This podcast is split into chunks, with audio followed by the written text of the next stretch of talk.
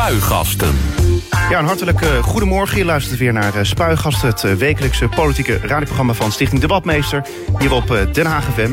Tot 11 uur neem ik de afgelopen politieke week door en dat doe ik ook met mijn gasten. De Klimaatwet is dinsdag met vlag en wimpel door de Eerste Kamer gekomen. De Senaat heeft de wet waarin de Nederlandse klimaatdoelen worden vastgelegd... met 62 van de 75 stemmen aangenomen. Alleen de PVV, de SGP en de Partij voor de Dieren stemden tegen. Maar waarom stemde de Partij voor de Dieren eigenlijk tegen? Het Haagse Eerste Kamerlid Christine Teunissen die geeft tekst en uitleg. Ja, Christine, goedemorgen. Goedemorgen. Ja, wat voor week was het voor jou? Nou, het was een enerverende week, want we hadden natuurlijk de uitslag van uh, de Europese verkiezingen, van de Eerste Kamerverkiezingen, de Klimaatwet. En dan ook nog eens het debat over de verhoging van de studierente op de, op de studiefinanciering. Dus ja, het was een uh, enerverend weekje. Een drukke week ook? Ja, wel, uh, want ik, ik deed zelf het debat over de renteverhoging en het debat over de Klimaatwet. Dus dan heb je wel even je handen vol aan. Maar we hebben natuurlijk ook taart gegeten om onze overwinning te vieren in de Eerste Kamer. Dus het was ook een hele mooie, fijne week. Ja, uh, in die zin, uh, taart eten, dat doe je dan maar met z'n hoeveel? Bij de Partij voor de Dieren. Het is nog niet een hele grote club, toch? Met de voltallige fractie. Nou ja, uh, we zitten nu met, met z'n tweeën nog. Totdat ja. de nieuwe Kamer wordt geïnstalleerd. Want we hebben één zetel gewonnen. Dus er komt Peter Nicolai, bestuursrechtadvocaat, die komt ons uh, versterken. Maar ik werd dus verrast in de Eerste Kamer. Want ik had het totaal niet verwacht. Maar ik kwam de deur uitlopen. Want ik ging even wat, wat gasten ophalen die zouden komen. Toen kwam dus de voltallige Tweede Kamerfractie. En inmiddels zijn dat vijf zetels. En de hele ondersteuning. Uh, die kwamen samen met ons taart eten en, uh, en toosten. Dus uh, ja. En zo werd het uiteindelijk toch nog druk bij de Partij voor de Dieren in de Eerste enorm Kamer. Enorm druk. Ik heb nog nooit onze kantoortje zo vol gezien. Dat was heel gezellig. Mooi zo. Straks praten we verder, nemen we ook de politieke week door. maar een ander onderwerp in dit programma. De gemeente Den Haag staat voorlopig niet positief tegenover het idee... om mee te doen met de landelijke proef met gereguleerde wietteelt. Dat schreef burgemeester Pauline Krikke deze maand in een brief aan de gemeenteraad. Doel van de proef is om inzicht te krijgen in de effecten op de criminaliteit, veiligheid, overlast en de volksgezondheid. In spuigasten gaan de raadsleden Ayse Yilmaz van de VVD en Peter Bos van de Haagse Stadspartij met elkaar in debat. Dat dus uh, straks in spuigasten, maar eerst even een overzicht van de politieke ontwikkelingen van deze week. Het politieke weekoverzicht. Maandag 27 mei. De uitslag van de Nederlandse verkiezingen voor het Europees Parlement is een vat vol verrassingen. De PvdA is de grootste partij geworden met zes van de 26 Nederlandse zetels. De PVV en de SP die verdwijnen uit het Europees Parlement. Zij hebben niet genoeg stemmen gekregen voor een zetel. 50PLUS die krijgt een zetel en uh, de Partij voor de Dieren behoudt een zetel. De Forum voor Democratie is als nieuwkomer een grote winnaar. Maar Christine Teunissen, blij met dit resultaat van de Partij voor de Dieren? Had je niet toch gehoopt stiekem op meer? Nee, ik ben ontzettend blij. Want je ziet dat het uh, politieke klimaat best lastig is momenteel. Je ziet ook dat het uh, toch vooral draait om nou ja, uh, de thema, thema's zoals veiligheid, migratie en natuurlijk ook klimaat. Dus dat is ook wel um, deels waardoor wij ook winst hebben behaald. Want we zijn wel gegroeid ten opzichte van de vorige keer. Um, en ik vind het dan heel positief dat wij het toch ontstaan hebben weten te houden. En zelfs nog iets gegroeid zijn. Ja, uh, maar in die zin, ja, in hoeverre heeft de Partij voor de Dieren zo campagne gevoerd bij de Europese verkiezingen? Want het ging vooral uh, over het, wie wordt de grootste, de VVD of de Forum voor Democratie. Uh, daardoor hebben misschien veel kiezers Partij voor de Dieren niet eens gezien in de campagne. Dat klopt. We waren wel wat minder zichtbaar dan bijvoorbeeld bij de Provinciale Statenverkiezingen. Maar aan de andere kant zie je dat wij ook toch wel opvallen bij een bepaalde groep mensen die bijvoorbeeld nu echt de klimaatcrisis uh, ziet, die de achteruitgang van de biodiversiteit ziet. Daar hebben we natuurlijk heel veel nieuws over gehad de laatste periode. Er zijn heel veel rapporten over verschenen dat het nu echt uh, ja, één seconde voor twaalf is. En heel veel mensen die voelen zich dan toch aangetrokken tot de Partij voor de Dieren. Die zeggen, ja, dat is de partij die daar ook echt aandacht voor vraagt in het Europees Parlement. En dat gaan we nu ook, uh, ook doen met deze zetel. Dus ja, fijn. Ja. Ja, precies. Uh, overigens, uh, bijvoorbeeld als we kijken naar een andere partij zoals de SP... die hebben bij wijze van spreken een anti-campagne gevoerd ja. tegen uh, Frans Timmermans. Al hoewel ze dat niet echt durfden toe te geven dat ze dat hadden gedaan. had de Partij voor de Dieren ook niet meer nou ja, moeten uitspreken... dat ze tegen het kabinet zijn, van, of eigenlijk het huidige beleid... de huidige stand van zaken? Nou, ik denk dat het er vooral mee te maken heeft gehad dat, uh, dat het, ja, de, de strijd tussen de VVD en Forum voor Democratie als een soort titanenstrijd werd neergezet. En dat zorgde ervoor dat wij, want we hebben wel degelijk kritiek geleverd, maar dat dat inderdaad niet zichtbaar werd. En ja, daar kun je eigenlijk vrij weinig aan doen. Um, wat we wel hebben gedaan is vooral op het uh, gebied van uh, landbouw. Want Europa gaat ook voor een heel groot deel over landbouwsubsidies. Daar hebben we ontzettend veel aandacht aan besteed. Ook vooral via opiniestukken. Dus dat is ook wel degelijk opgevallen bij een bepaald publiek. Ja, en dan gaan we naar de volgende dag. Dinsdag 28 mei. GroenLinks uh, Tweede Kamerlid Zini Usdeel die stapt op wegens vertrouwensbreuk met de fractie. Hij zat twee jaar voor GroenLinks in de Tweede Kamer. Usdeel zou afspraken keer op keer niet nakomen, schond het onderlinge vertrouwen en toonde ontoelaatbaar gedrag, waardoor collega's zich niet meer veilig voelden. Zo staat in de verklaring van uh, partijleider Jesse Klaver. Ja, Christine, is er op het Binnenhof eigenlijk nog wel plaats voor eigenzinnige politici van buiten? Dat is een beetje de centrale vraag hierbij. Ja, dat is wel een hele generieke vraag. Ik denk, natuurlijk uh, is, er, is er wel ruimte voor. Um, dit is een heel specifiek geval en een, ja, een conflict binnen GroenLinks. Ik ga daar zelf ook helemaal geen uitspraken over doen. Maar ja, het is altijd zo dat, je natuurlijk als politieke partij uh, een bepaalde lijn hebt en die volgt. En dat je ook in goed overleg, als je daarvan wil afwijken, dat je dat ook in goed overleg doet. Um, en daarnaast, ja, ik merk binnen onze partij dat er juist heel veel ruimte is voor die vrijzinnigheid. Maar ja, wel altijd in goed overleg. En uh, ja, uh, verder is volgens mij die ruimte wel degelijk aanwezig. Ja, maar stel even, uh, puur hypo, ja, eigenlijk hypothetisch gezien. stel dat jij ehm, ja, bijvoorbeeld tegen de, het voor de klimaatwet had gestemd in de Eerste Kamer. Terwijl afgesproken is, we gaan tegen de klimaatwet stemmen. Kan dat dan? Ja, in, in principe kan dat. Maar ik moet daar zelf uh, goede redenen voor hebben natuurlijk. Persoonlijk uh, uh, moet ik dat wel bepleiten binnen de fractie. Ik ga dat niet zomaar doen. Nee, dan en, moet je van tevoren ook wel afgestemd hebben. Ja, tuurlijk. Want als partij ben je altijd ja, toch in zekere zin in een, in een kwetsbare positie. En uh, ja, je verenigt je juist om goed je punt over het voetlicht te kunnen brengen, om verandering te bewerkstelligen. En als je dan um, ja, van die lijn afwijkt, dan kan dat eigenlijk niet zonder reden.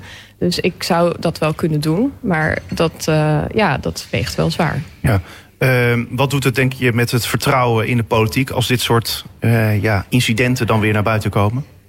Het is niet zo goed aan de andere kant, het hoort er ook een beetje bij. Je blijft toch, we zijn allemaal mensen en het geeft de politiek ook een menselijk gezicht. En ik vond de reactie van Jesse Klaver dan ook eerlijk overkomen. Van ja, het was, uh, was nou eenmaal uh, niet uh, handig. Hij kwam wel wat moeilijker uit zijn woorden dan normaal trouwens. Dat zijn trouwens niet zijn letterlijke woorden wat hij zei. Maar hij kwam inderdaad moeilijk. Je zag dat hij er moeite mee had.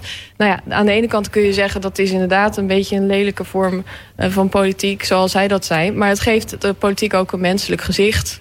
En dat, uh, dus ja, ik denk niet dat het veel doet met het vertrouwen eerlijk gezegd. Woensdag 29 mei.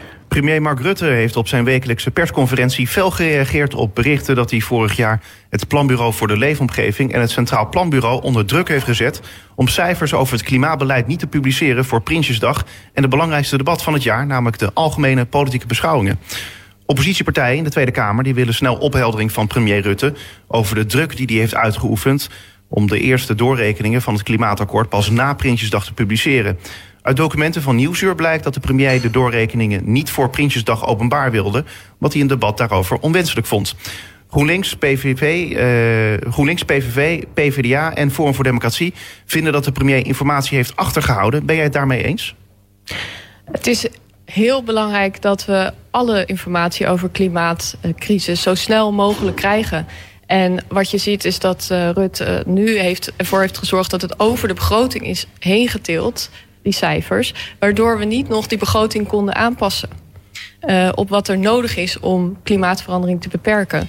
En dat vind ik heel kwalijk. Ja, maar hij zei zelf ook van ja, we kunnen ook niet een debat voeren als wij zelf amper die cijfers nog hebben kunnen uh, lezen uh, als kabinet zijnde. Nou, dat is een non-argument. Want er worden heel vaak cijfers op het laatste moment naar buiten gebracht. En dan wordt er toch snel een debat over gevoerd. Ook als het bijvoorbeeld gaat uh, over een vertrouwenskwestie rondom een minister. Kijk naar de bonnetjesaffaire bijvoorbeeld. Daar wordt enorm snel gereageerd. Dus dit is. Ja, dit is een non-argument. Je kan natuurlijk heel snel, uh, al is het op gehoofdlijnen, kun je daarover debatteren. Donderdag 30 mei. Uit onderzoek van uh, drinkwaterbedrijf Dunea en het Hoogheemraadschap van Rijnland blijkt dat als we net zoveel water blijven gebruiken als we nu doen, er in 2050 in de Delta West-Nederland, waar onder andere Den Haag, Leiden en Alphen aan de Rijn toe behoren, niet genoeg drinkwater beschikbaar is. De hoeveelheid water blijft gelijk, maar de vraag stijgt, bijvoorbeeld door de komst van 200.000 woningen. En ja, is dit een verontrustend bericht, dit?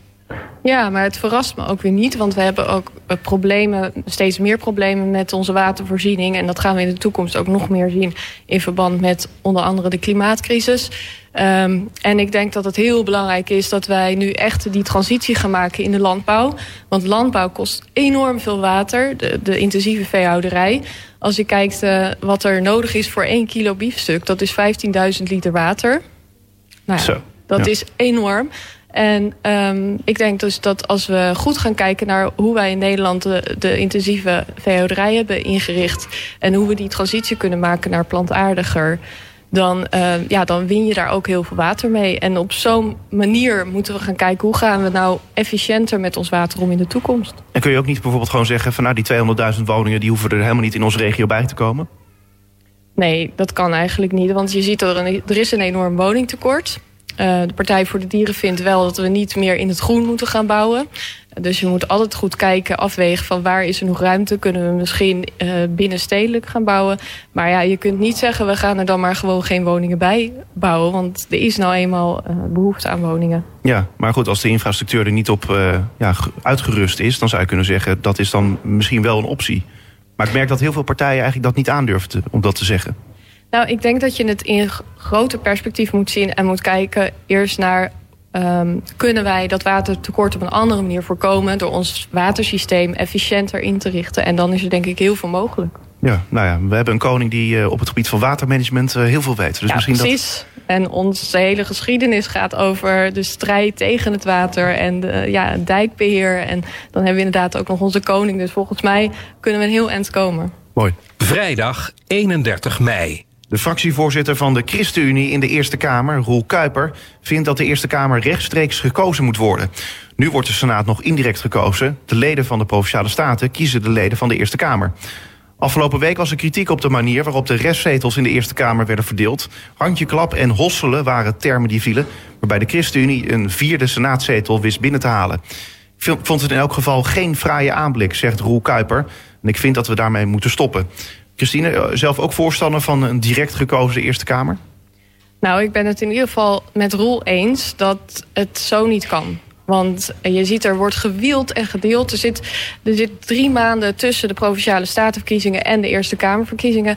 En dan daartussen worden er achter de schermen allerlei deeltjes gesloten. En kiezers begrijpen niet dat ze op een bepaalde partij hebben gestemd, op de Partij voor de Dieren. En dat, dat er dan vervolgens de Partij voor de Dieren toch niet een restzetel krijgt... omdat Denk uh, niet op zichzelf heeft gestemd. Nou, dit soort constructies uh, is niet te begrijpen. Ik begrijp het niet. uh, er zitten een paar rekenmeesters die het wel begrijpen. Maar zo, ja, dat is natuurlijk niet democratisch, niet transparant.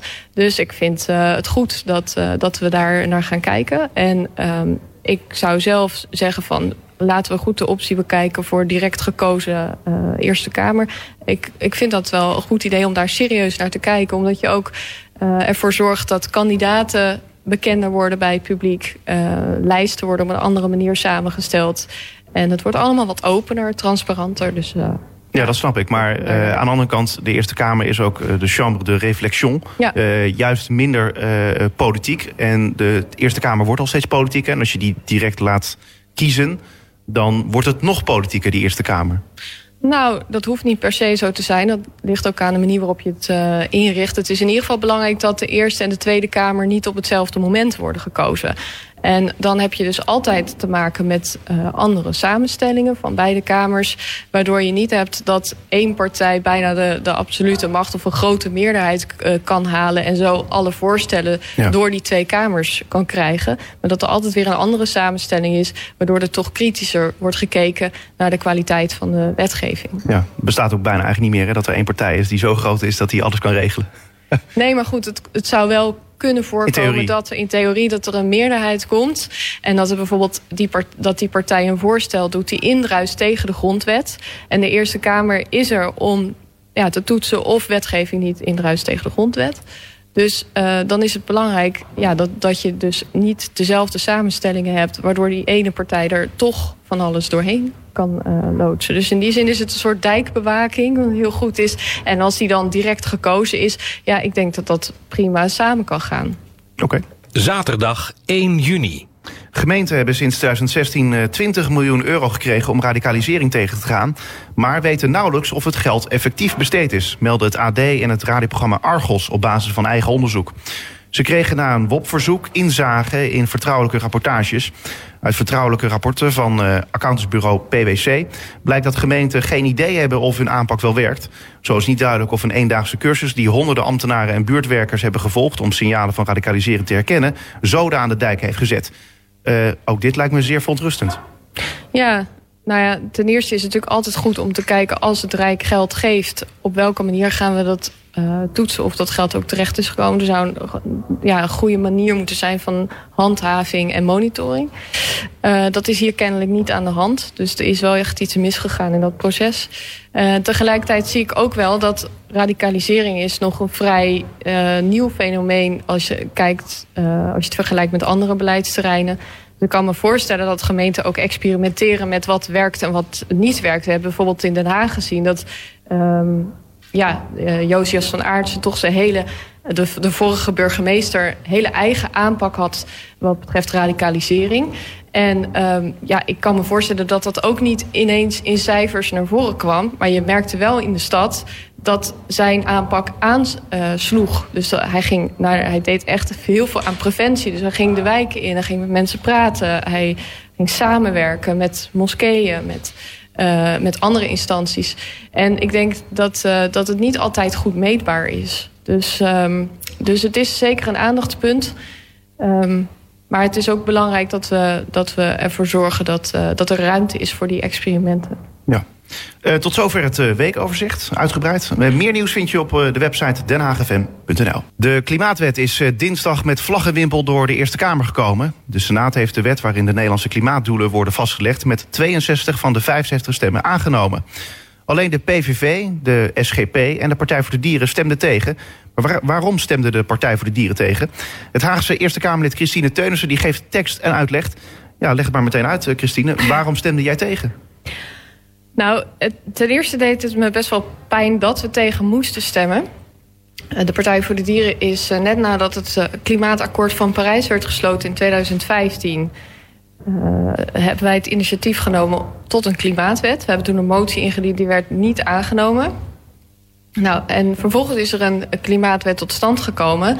die um, in beginsel nog wel goed was. Daar waar afrekenbare doelstellingen in stonden. Dus uh, belangrijk eindpunt 2030, belangrijk eindpunt 2050. Het waren harde doelstellingen. En er stonden ook allerlei maatregelen in... hoe ze dat ook zouden gaan bijhouden of die doelen werden gehaald. En eigenlijk is, uh, is, is er toen zo naar veel draagvlak in de Kamer gezocht... bij het CDA, bij de VVD... Uh, dat geleidelijk aan het voorstel helemaal is uitgekleed. Een soort afgezwakt eigenlijk. Afgezwakt, ja. ja. Om een compromis te zoeken. En om zoveel mogelijk partijen onder die, ja, de, de, de, steun van zoveel mogelijk partijen te krijgen. En daardoor bleef er eigenlijk helemaal niks van die wet over. Nou ja, helemaal niks. Er staat wel het een en ander in. Ja, uh, dat kun je dus afvragen. Want niks wat er in de, in, erin staat is echt afrekenbaar. Behalve het einddoel. Dus uh, 95% reductie in 2050. Um, maar in de tussentijd is er helemaal niks wat nou ja, politieke partijen eraan houdt om zich ook, en de regering eraan houdt, om zich ook daadwerkelijk uh, te, ja, uh, stappen ja. in die richting te zetten. Dat snap ik, maar als je dat einddoel hebt, daar kan de Partij voor de Dieren toch alleen maar voor zijn?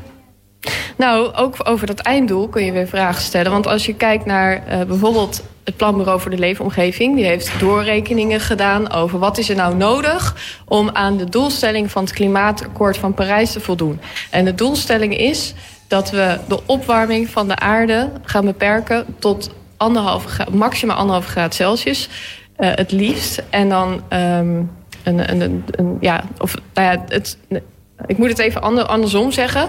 Ruim onder de 2 graden Celsius. Maar het liefst onder die anderhalve graad. Nou, en um, wat de Partij voor de Dieren heeft gezegd... en dat zie je ook eh, in een rapport wat pas is verschenen... Um, uh, van het uh, IPCC, dat is uh, het klimaatpanel van de Verenigde Naties. Die hebben gezegd, je moet niet over die anderhalve graad gaan... want dan heb je echt een probleem. Dan kom je namelijk naar een gevaarlijk tipping point. En dat is het moment dat klimaatverandering onbeheersbaar wordt. Nou, en toen hebben wij als partij gezegd van wij willen dat ten alle tijde voorkomen. We moeten um, als land er naar streven dat we ook echt tot maximaal anderhalve graad uh, opwarming gaan en niet daaroverheen gaan. Nou, en wat uh, die, tweede, die doelstelling in deze voorliggende klimaatwet zegt, is we gaan in 2050 zorgen voor 95% reductie. Nou, als je kijkt naar de doorrekeningen van het Planbureau van de Leefomgeving, dan is dat gewoon te weinig. Dan is dat te laat. Too little, too late. Um, want het, uh, het rapport zegt, ja, dat is wel voldoende als je ervoor wil zorgen dat het onder de 2 graden blijft. Maar niet uh, om onder die anderhalve graad te blijven. Ja. Daar is meer voor nodig. Maar laten we wel wezen, uh, nou, de, de, de grotere partijen in die zin in uh, de Tweede Kamer, of in elk geval in de landelijke politiek, die hebben heel lang nou ja, eigenlijk een beetje aan de kant gestaan bij, als het gaat om klimaatbeleid. GroenLinks en ook de Partij voor Dieren hebben natuurlijk nou ja, constant geroepen dat daar iets aan moet veranderen. Ja. Nou, verandert er eindelijk iets. En dan, zei, dan gaat het weer niet ver genoeg. Ja, maar de vraag is dus of er iets verandert überhaupt. Omdat het Uh, nou ja, dat einddoel is dus al niet strikt genoeg. En daarnaast heb je dus ook te maken met een streven. In 2030 gaan we 49% reductie bewerkstelligen. Nou ja, dat was eerst een doelstelling in de oorspronkelijke klimaatwet. En dat is nu omgekat naar een streven. Dus dat stelt eigenlijk helemaal niks meer voor. De, als, als burgers zien van, oh, het gaat verkeerd... dan kunnen ze niet naar de rechter gaan en zeggen van... Um, we hebben afgesproken 2030 49% reductie en dat wordt maar niet gehaald. Dat houdt helemaal geen stand bij de rechter. Dus in theorie kan er gewoon helemaal niks gebeuren tot aan ergens 2040. En dan is het eigenlijk al te laat. Want al die maatregelen die nodig zijn, die moeten we zoveel mogelijk nemen voor 2030. Omdat je ook nog een soort, ja, um, op uh, cum cumulatief noem je dat. Dus je hebt toch een effect van klimaatverandering wat heel lang doorduurt. Dus hoe langer we wachten met die maatregelen, hoe langer het ook weer duurt voor al die CO2 uit de lucht is. Ja. Nou, al, dat, uh, al die bezwaren, die hebben wij geuit in de Kamer. Dus het komt erop neer dat er te weinig afrekenbare doelstellingen zijn en dat het te weinig ambitieus is. En um, ik denk dat het heel belangrijk is dat wij zo'n signaal afgeven als Partij voor de Dieren.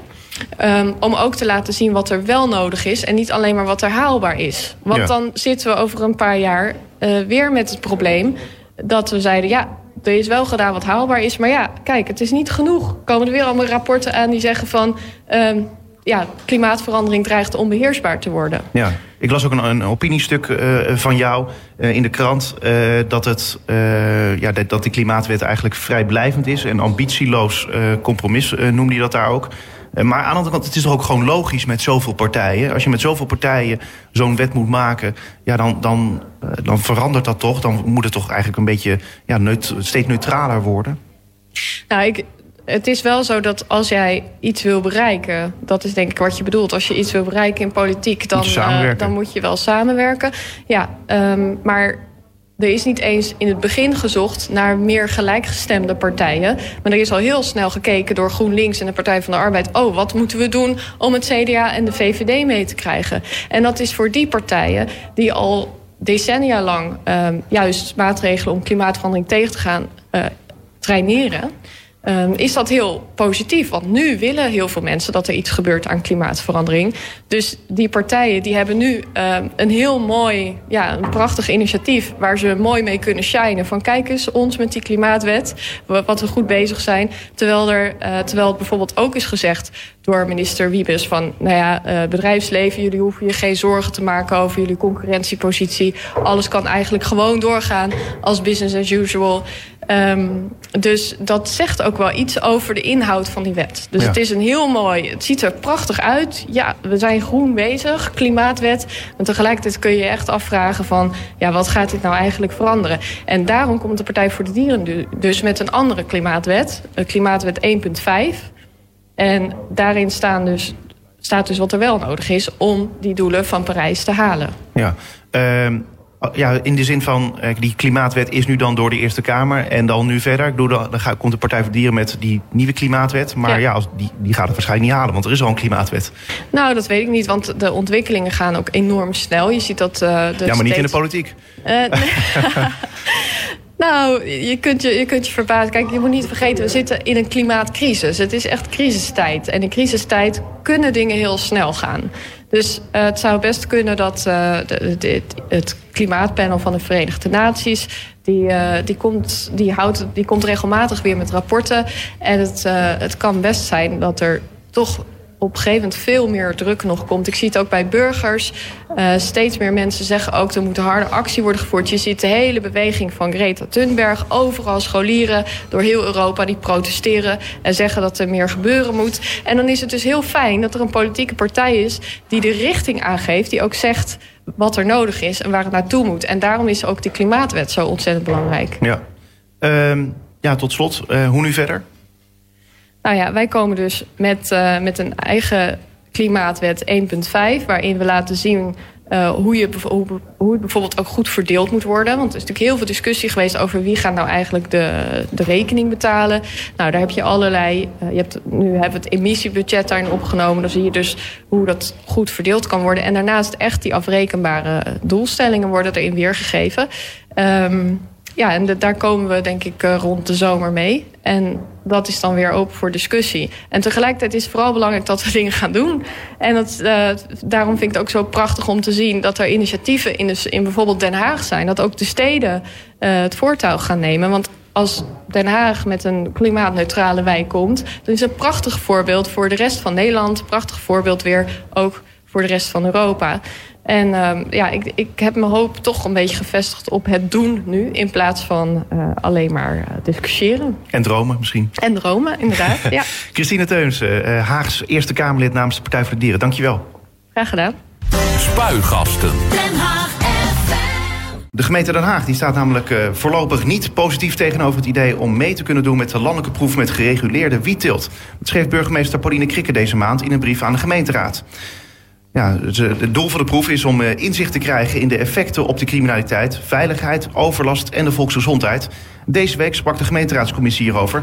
In spuigasten gaan de raadsleden Ayse Yilmaz van de VVD en Peter Bos van de Haagse Stadspartij met elkaar in debat. Beiden goedemorgen. Goedemorgen. Ja, trek de microfoon nog even lekker naar je toe. Uh, ja, Peter, wat is er eigenlijk mis aan het huidige systeem dat Den Haag aan die proef mee moet gaan doen?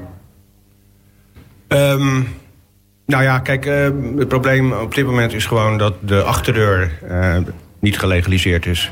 Kijk, de verkoop van eh, softdrugs, dat, dat is gewoon in Nederland redelijk goed geregeld met coffeeshops. Alleen de inkoop, de teelt en de inkoop van de producten, dat zit nog volledig in het illegale circuit. En dat is al heel lang een probleem. En dat is nog steeds niet opgelost. En daarom had het Rijk eindelijk nou ja, de wijsheid gekregen om het eh, te gaan legaliseren. Maar goed, dat, dat kan niet van de een op de andere dag. Dus ze willen eerst een aantal gemeentes uitnodigen om mee te doen aan een proef. Ja. En eh, nou ja, dat is, daar hebben wij het over gehad in de gemeenteraad. En wij hebben gezegd van nou, de manier waarop het Rijk deze pro- proef wil vormgeven... eh, dat stuit op zoveel bezwaren, dat moeten we niet doen. Ja. Uh, is het echt een, een, grote zorg over de, eigenlijk de manier waarop het nu is geregeld? Want aan de andere kant denk ik van ja, zoals het nu is, gaat het toch goed? Um, ja, het lijkt uh, op zich uh, een goed systeem. Hè. We hebben in Den Haag een heel goed uh, systeem van coffeeshops. Die zijn ook ja, die worden heel goed gecontroleerd. Ik denk dat het de, de zwaarst gecontroleerde beroepsgroep is in, in Den Haag. Dat loopt goed. Um, we hebben daar op zich niet zo heel veel problemen mee. Maar wat we wel zien is dat door het illegale circuit... Um, de politie heel veel capaciteit kwijt is aan het opsporen van hennepkwekerijen. Um, er zijn daarnaast nog allerlei andere aspecten. Bijvoorbeeld dat er illegaal stroom wordt afgetapt. Um, en dat er uh, natuurlijk ook uh, ja, veel export naar het buitenland is. Wat uh, nou ja, leidt tot grote criminele organisaties... die toch ook ontwrichtend werken op, op de maatschappij. En ja, die bijeffecten die wil je niet hebben. Nee. Uh, Yilmaz van de VVD. Uh, ja, Den Haag zou meedoen aan die proef. Maar uiteindelijk uh, toch besloten om het voorlopig niet te gaan doen. Ben je daar blij mee? Ja, ik ben vooral blij dat, uh, um, dat de burgemeester op zoek is gegaan naar draagvlak. En um, eigenlijk nu de keuze heeft gemaakt, omdat er geen draagvlak is, eh, eh, dat we niet meedoen. Daar ben ik op zich blij mee. Eh, ik denk dat het valt en staat bij het draagvlak. En, want het gaat om de coffeeshophouders. En die, eh, als je kijkt naar de criteria of hoe de proef is eh, opgesteld... dat dat eh, ja, eigenlijk niet positief is. Nee. Maar goed, het was wel afgesproken dat we met die proef eh, mee zouden doen. Eh, hadden we niet van tevoren al kunnen weten dat, eh, dat deze eisen er waren, dat deze voorwaarden er waren? Nee, volgens, volgens mij is niks afgesproken. En is het gewoon aan de gemeente om met zo'n proef mee te doen.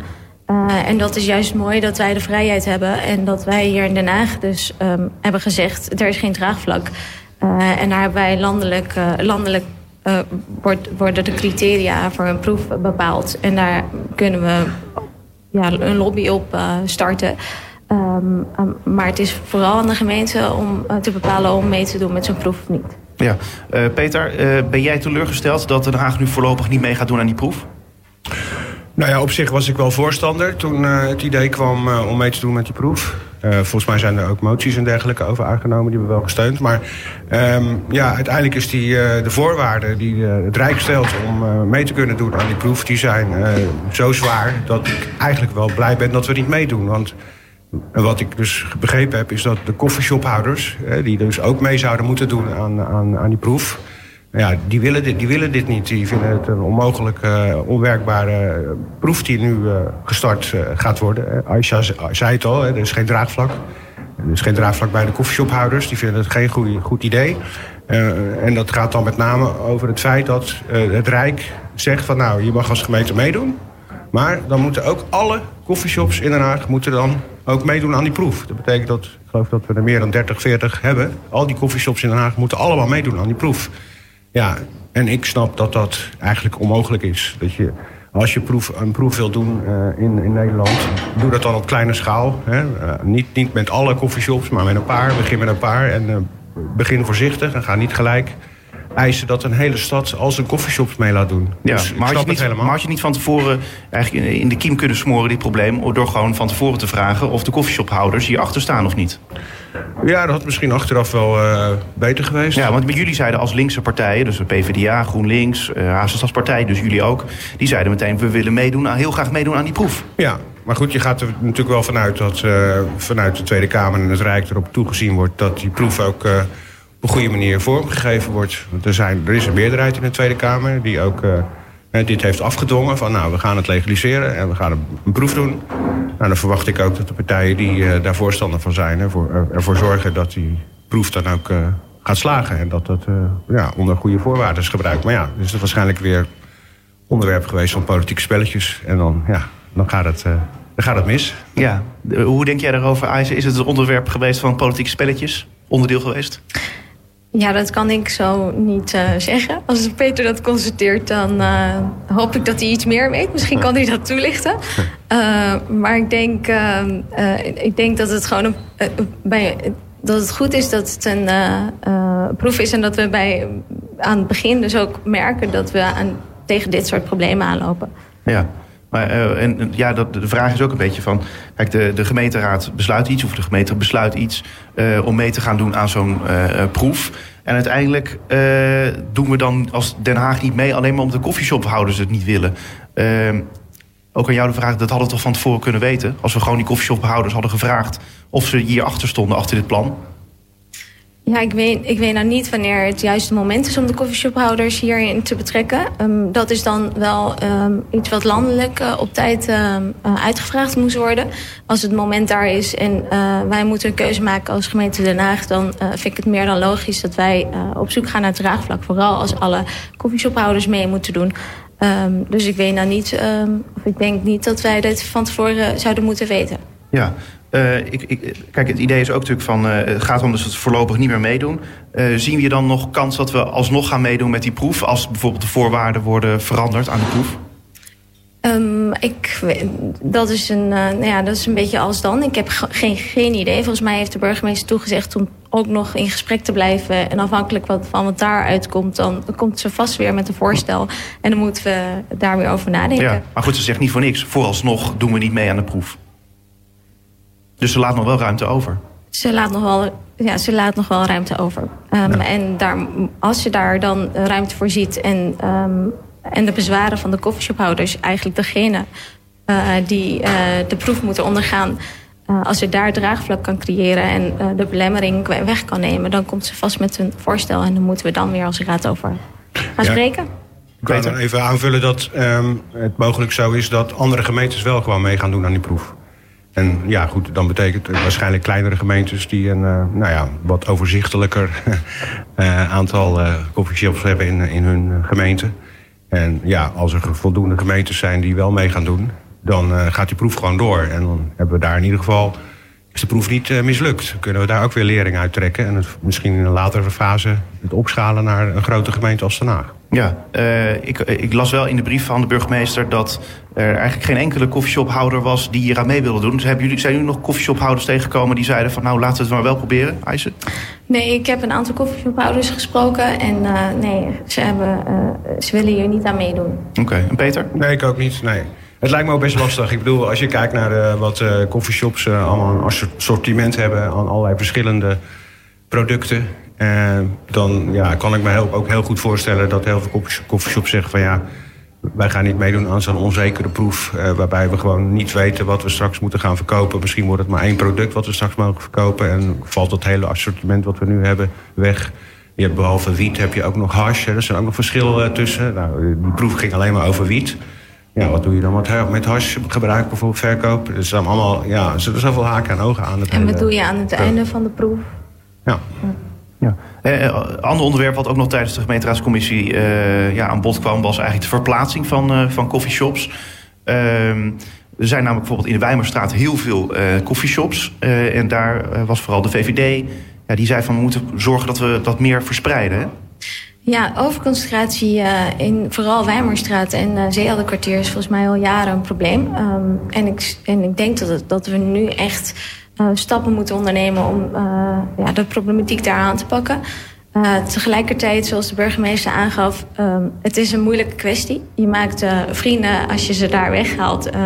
maar nou ja, niet per definitie vrienden maar als je ze elders gaat verplaatsen. Maar ik vind dat we, um, dat, dat geen argument hoeft te zijn. Dat we echt op zoek moeten gaan. En misschien is er wel een plek. Um, en dan kunnen we de concentratiegebieden oplossen. Ja, maar goed, uh, hoe heeft het uiteindelijk zover kunnen komen, vraag je ook af. Want dat er zoveel coffeeshops in zo'n kleine straat eigenlijk uh, terechtkomen. Ik heb ook ge geen idee. Dat is volgens mij al wel uh, voor mijn tijd misschien. Maar dat is toch ook de gemeenteraad die dat uiteindelijk, uh, ja, die bestemmingsplannen daarvoor goedkeurt. Dus het is toch gewoon de gemeenteraad die dit allemaal heeft veroorzaakt, dit probleem? Nou, ik kan volgens mij wel vertellen dat wij ons gelukkig mogen prijzen... dat wij hier echt een beperkt aantal coffeeshops hebben hier eh, in Den Haag. En het is in de jaren uh, is dat ook afgenomen. Um, dus ik denk dat wel dat we de goede kant op gaan. Ja, uh, Peter, vind je het ook zo'n probleem in de Wijmerstraat? Al die coffeeshops die daar zitten? Ja, we krijgen daar wel klachten over, zo nu en dan. Dus ik kan me wel iets bij voorstellen. Aan de andere kant denk ik dat er ook... ja, als je in een grote stad woont, dat je natuurlijk ook overlast kan hebben van uh, allerlei andere zaken, zoals cafés, uh, restaurants, uh, supermarkten in woonwijken. Ja. En een koffieshop, ja, veroorzaakt soms ook overlast, ja, dat snap ik. Ja. En dat er in Zeeheldenkwartier en Wijmerstraat ja, wat meer koffieshops zijn dan in andere wijken, dat is waar. En wat mij betreft moeten we daar ook naar kijken. En wat mij betreft moeten we dat ook steunen. Alleen ik vind niet dat de gemeente dan daar extra geld of zo... of heel veel inspanningen moet leveren om dat uh, op te lossen. Moet wel op basis van vrijwilligheid zijn. Uh, als een koffieshophouder zegt... nou, ik heb een goede plek gevonden ergens anders in een andere wijk... dan moeten we dat uh, kunnen faciliteren als gemeente. Maar dat moet wel ja, een beetje vanzelf gaan. Dan moeten we niet, niet met heel veel ja, geld of steun of druk vanuit de, de, de, gemeente dit faciliteren. Dat moet ook een beetje ja, spontaan gebeuren. Ja. Uh, waarom moeten eigenlijk al die uh, coffeeshops die dan zo dicht bij elkaar zitten... waarom moeten die uh, verspreid, eigenlijk meer verspreid over de stad... in plaats van dat ze meer in één straat zitten? Nou, eigenlijk wat Peter al vertelde... Um, een overconcentratie betekent dat je gewoon te, te veel... ja, van dat soort zaken in een gebied hebt. En dat zorgt gewoon voor overlast. Um, Um, en um, ja, dat uh, brengt de leefbaarheid van zo'n gebied onder druk. En daarom uh, zal verspreiding over de stad uh, of uh, nou ja, een aantal uh, van dat soort coffeeshops weg uit de Weimarstraat of uit Zeehelden zorgt wel voor meer ja, voor een fijne leefomgeving. Ja, ik hoor nu vooral de leefbaarheid, maar veiligheid is ook een aspect, toch? Zeker weten. Zeker bij de VVD. Zeker weten, ja. ja. Leefbaarheid en veiligheid, zeker weten. Ja. Peter, los je dan het probleem op als er dus ja, die zin minder coffeeshops zouden zijn in de Weimarstraat? Ja, dan denk ik dat de, nou ja, de, de gevoelens van, uh, van, van nou ja, overlast... dat die wel af, af, zullen nemen, misschien een beetje. Dat helpt. Ja, maar of het echt zoden aan de dijk zet, dat, dat vraag ik me af. Ja. Maar nogmaals, als er uh, ideeën zijn met, bij koffieshopshouders uit de Weimarstraat of Zeeheldenkwartier om te verhuizen, die, die, zijn er ook. Hè, uh, dan denk ik, nou, geef hen de kans en laat die ondernemers ja, een poging wagen om te verhuizen en, en, en steun dat als gemeente. Want er zijn inderdaad in Den Haag uh, heel veel wijken die uh, helemaal geen koffieshop hebben. Of in, pas in de verre omgeving, Leidseveen of uh, Ipenburg, dat soort wijken, Wateringsveld. Volgens mij hebben die geen, geen koffieshop. En er zitten volgens mij ook wel mensen die af en toe een blootje roken. Dus, ja. Is dat wenselijk eisen dat er bijvoorbeeld in Benoordenhout ook een koffieshop komt? Want volgens mij is die er nog niet. Nou, ik denk dat het wenselijk is dat de burgemeester in gesprek moet gaan met de gemeente Westland. Want daar hebben ze hem niet. Misschien moet daar een, uh, een koffieshop uh, komen. die Westlanders die komen hier naartoe, naar Den Haag? Nou, uh, naar, ik heb begrepen wel hier naar Den Haag of naar Hoek van Holland. Dus ik denk dat dat de oplossing misschien wel, ja. wel is. Maar meer spreiding over de stad. Dus dat je bijvoorbeeld ook in wijken zoals Ipenburg... en dat je in Benoordenhout, Bezuidenhout... dat daar meer koffieshops komen. Dat zou wel voor de VVD en de, dat is een moeilijke dilemma. Ik denk dat het belangrijk is dat, uh, dat er draagvlak is... en dat we uh, ja, dat de veiligheid en de, de leefbaarheid in Zeeeldenkwartier en Wijmersstraat moeten oplossen. En dan moeten we kijken waar, wat de beste locatie is. Ja. Uh, Peter, hoe zie jij het grote beeld voor je? Het toekomstbeeld van de coffeeshops in Den Haag? Um, nou ja, ik, ik hoop dat er uiteindelijk een, een, een, een echt een een legale situatie komt. Uh, we zijn in Nederland uh, heel lang koploper geweest als het gaat om uh, softdrugsbeleid.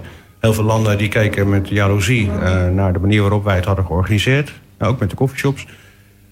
maar nu zien we dus andere landen ons hard voorbij gaan. In Canada is het volledig gelegaliseerd. Uruguay is inmiddels ook helemaal gelegaliseerd. En heel veel andere landen zijn er ook heel druk mee bezig. En ja, ik, ik hoop dat we uiteindelijk tot een situatie komen waarin uh, de softdrugsbranche gewoon een uh, normale, legale branche is. Zoals iedere andere branche die we hier in Nederland hebben. En dat allemaal goed geregeld is. En dat, uh, ja, ze daar met tevredenheid op terug kunnen kijken. Ja, Aise, ik denk niet dat jij daar voorstander van bent. Nou, wat mij betreft hoeven we geen koploper op dit onderwerp te zijn. Dan mogen we op onze topsector water of uh, dergelijke topsectoren zijn. Dit, uh, hier hoeven wij niet op uh, te gaan profileren. Ik vind wel ehm, dat, het, ehm, ehm, dat de achterdeur toch echt nog wel een, probleem is. Maar of we het helemaal legaliseren de oplossing is, dat vraag ik me ook wel nog steeds af. Ja. Ik dank jullie beiden. Peter Bos van de Haagstadspartij en IC Jimas van de VVD. Dank jullie wel. Graag gedaan. Dit was Spuigasten voor deze week. Volgende week ben ik er weer. Ik zeg ze graag tot dan.